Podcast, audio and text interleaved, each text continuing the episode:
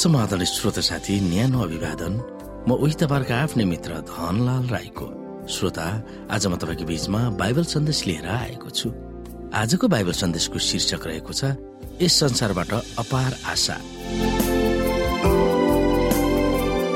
श्रोत साथी करिब इपु पाँच सय वर्षमा पौराणिक ग्रिकमा हेरोटस भन्ने इतिहासकार थिए।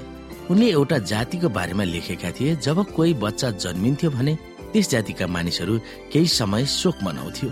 किनकि यदि त्यो बच्चा वयस्कसम्म बाँच्यो भने उसले धेरै दुःख कष्टको सामना गर्नु पर्दथ्यो तिनीहरूको त्यो चलन अनौठै नै भए तापनि केही हदमा तर्कयुक्त मान्नु पर्दछ हजारौं वर्षपछि अमेरिकामा एउटा विज्ञापन छापेको थियो किन बाँच्ने? यदि हामी दस डलरमा गाडिन सकिन्छ भने।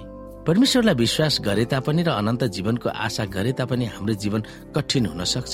त्यसमा पनि यस छोटो दुःखमय जीवन बिताएर त्यसपछि केही छैन भन्ने निराशावादीहरूको जीवन झन् कस्तो होला। धर्मको पक्ष नलिने धेरै लेखकहरूले मानव जीवनको अस्तित्व अर्थहीन भनेका छन्। हामी सबै एक दिन मर्नै पर्छ।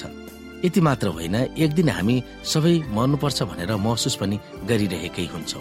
कठिन कष्टकर दुखै दुःखले भरिएको जीवन साँच्चैको बेकारको रहेछ भन्ने त्यस धारणाले महसुस गराउँदछ। एकजना बुद्धिजीवीले भनेका थिए मानव केही पनि होइन। केवल कठिन कष्टकर दुखै दुःखले भरिएको जीवन साँच्चैको बेकार रहेछ भन्ने त्यस धारणाले महसुस गराउँदछ। एकजना बुद्धिजीवीले भनेका छन् मानव केही पनि होइन केवल गनाउनमा परिणत हुने र कुहिएर जाने हाड र छाला मात्र हुन्। यो धारणा भयावह छ तर त्यस तर्कयुक्त धारणासँग कसले वाद विवाद गर्न सक्छ र? तर ती सबै धारणाहरूको विपरीत यसुमा हाम्रो अनन्त जीवन छ भनेर बाइबलले हामीलाई सिकाउँदछ। यो नै हाम्रो जीवनको औचित्य हो। यो अनन्त जीवनको आशा यसुमा छ। उहाँको मृत्यु र पुनरुत्थानले त्यस आशाको पुष्टि गर्दछ। नभए हामीमा के आशा छ यीशुको पुनरुत्थानसँग हाम्रै पुनरुत्थानको आशा कसरी जोडिएको छ भनेर हामीलाई पावलले केही कुराहरू व्यक्त गरेका छन्। एक कोरन्ती पन्ध्र अध्यायलाई हामी हेर्न सक्छौँ। बाह्रदेखि हामी हेरौँ श्रोता मृतकहरूबाट ख्रिस पुनरुत्थान हुनुभयो भनी प्रचार गरिन्छ भने तिमीहरूमध्ये कसै कसैले मृतकको पुनरुत्थान हुँदैन भनी भन्न सक्छौ। तर यदि मृतकहरूको पुनरुत्थान हुँदैन भने त ख्रिस पनि मृतकबाट पुनर्जीवित पारिनु भएको होइन। यदि ख्रिस मृतकबाट पुनर्जीवित पारिनु भएको होइन भने त हाम्रो प्रचार व्यर्थ हुन्छ र तिमीहरूको विश्वास पनि व्यर्थ हुन्छ। त्यसभन्दा बढी हामी परमेश्वरको बारे झुटा साक्षीहरू ठहरिन्छौँ। किनकि उहाँले ख्रिस्टलाई मृतकबाट पुनर्जीवित पार्नुभयो भने हामीले परमेश्वरको बारे गवाई दिएका छौँ। तर साँच्चै मृतकहरूको पुनरुत्थान हुँदैन भने उहाँले ख्रिस्टलाई पुनर्जीवित पार्नु भएन। किनकि यदि मृतकहरूको पुनरुत्थान नहुने भए त ख्रिस पनि मृतकबाट जीवित पारिनु भएन। ख्रिस पुनर्जीवित पारिनु भएन भने तिमीहरूको विश्वास व्यर्थ छ र तिमीहरू अझसम्म आफ्नो पापमा नै छौ। तब त ख्रिसमा सुति गएकाहरू पनि नष्ट भएका छन्। यदि यस जीवनको लागि मात्र ख्रिसमा हामीले आशा राखेका हौ भने हामी सबै मानिसहरू भन्दा बढी दयनीय हुन्छौ। पावलको भनाइ स्पष्ट छ।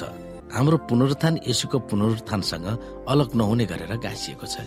यदि हाम्रो पुनरुत्थान हुँदैन भने यसुको पनि पुनरुत्थान नभएको ठहर छ। यदि यसो पुनरुत्थान हुनु भएन भने हाम्रो जीवनको औचित्य के छ र? पावलले भन्दछन् तिम्रो विश्वास बेकारको छ तिमीहरू अझै पापमै छौ। अर्को बोलीमा भन्यो भने हामी मरेपछि हामी सदाको निम्ति मरि नै रहन्छौ जसले गर्दा हाम्रो जीवन साँच्ची नै अर्थहीन र बेकारको छ अनि पावलले एक कोरन्ती पन्ध्र अध्यायको बत्तीसमा भन्दछन् यदि मरेकाहरू पुनरुत्थान हुँदैन वा हाम्रो जीवन यस संसारमा मात्र सीमित छ भने खाउँ पिउँ मोज गरौँ भोलि मरिहाल्छौ नि। यदि हाम्रो यो भौतिक शरीर केवल नासुने तत्वहरूले मात्र बनेका छन् र हाम्रो आयु लगभग सत्तरी वर्ष मात्र छ यदि हामी धुम्रपान र मद्यपान वा अस्वस्थ खानाहरू खाएनौँ भने त्यति बाँच्नु भाग्यमानी भने पनि हुन्छ। हाम्रो जीवन ठिकै भएको मान्नुपर्छ। दिदी एलएनजी वाइडले भन्नुभएको कथनलाई हामीले आत्मसात गर्नु जरुरी छ। हाम्रो निम्ति स्वर्ग नै सबै थोक हो। यदि हामीले स्वर्ग वा अनन्त जीवनलाई गुमायौँ भने हामीले सबै थोक गुमाउँछौ। अन्तिम श्रोता हामीमा भएको आशा विश्वास र आस्था कतिको अमूल्य छ। सो कुरालाई हामी सोच्न सक्दछौ। परमेश्वरको अनुग्रहद्वारा तिनीहरूलाई सुरक्षित राख्न हामीले किन प्रयत्न नै गरिरहनु पर्दछ? त्यो कुरा हामी विचार गर्न सक्दछौ।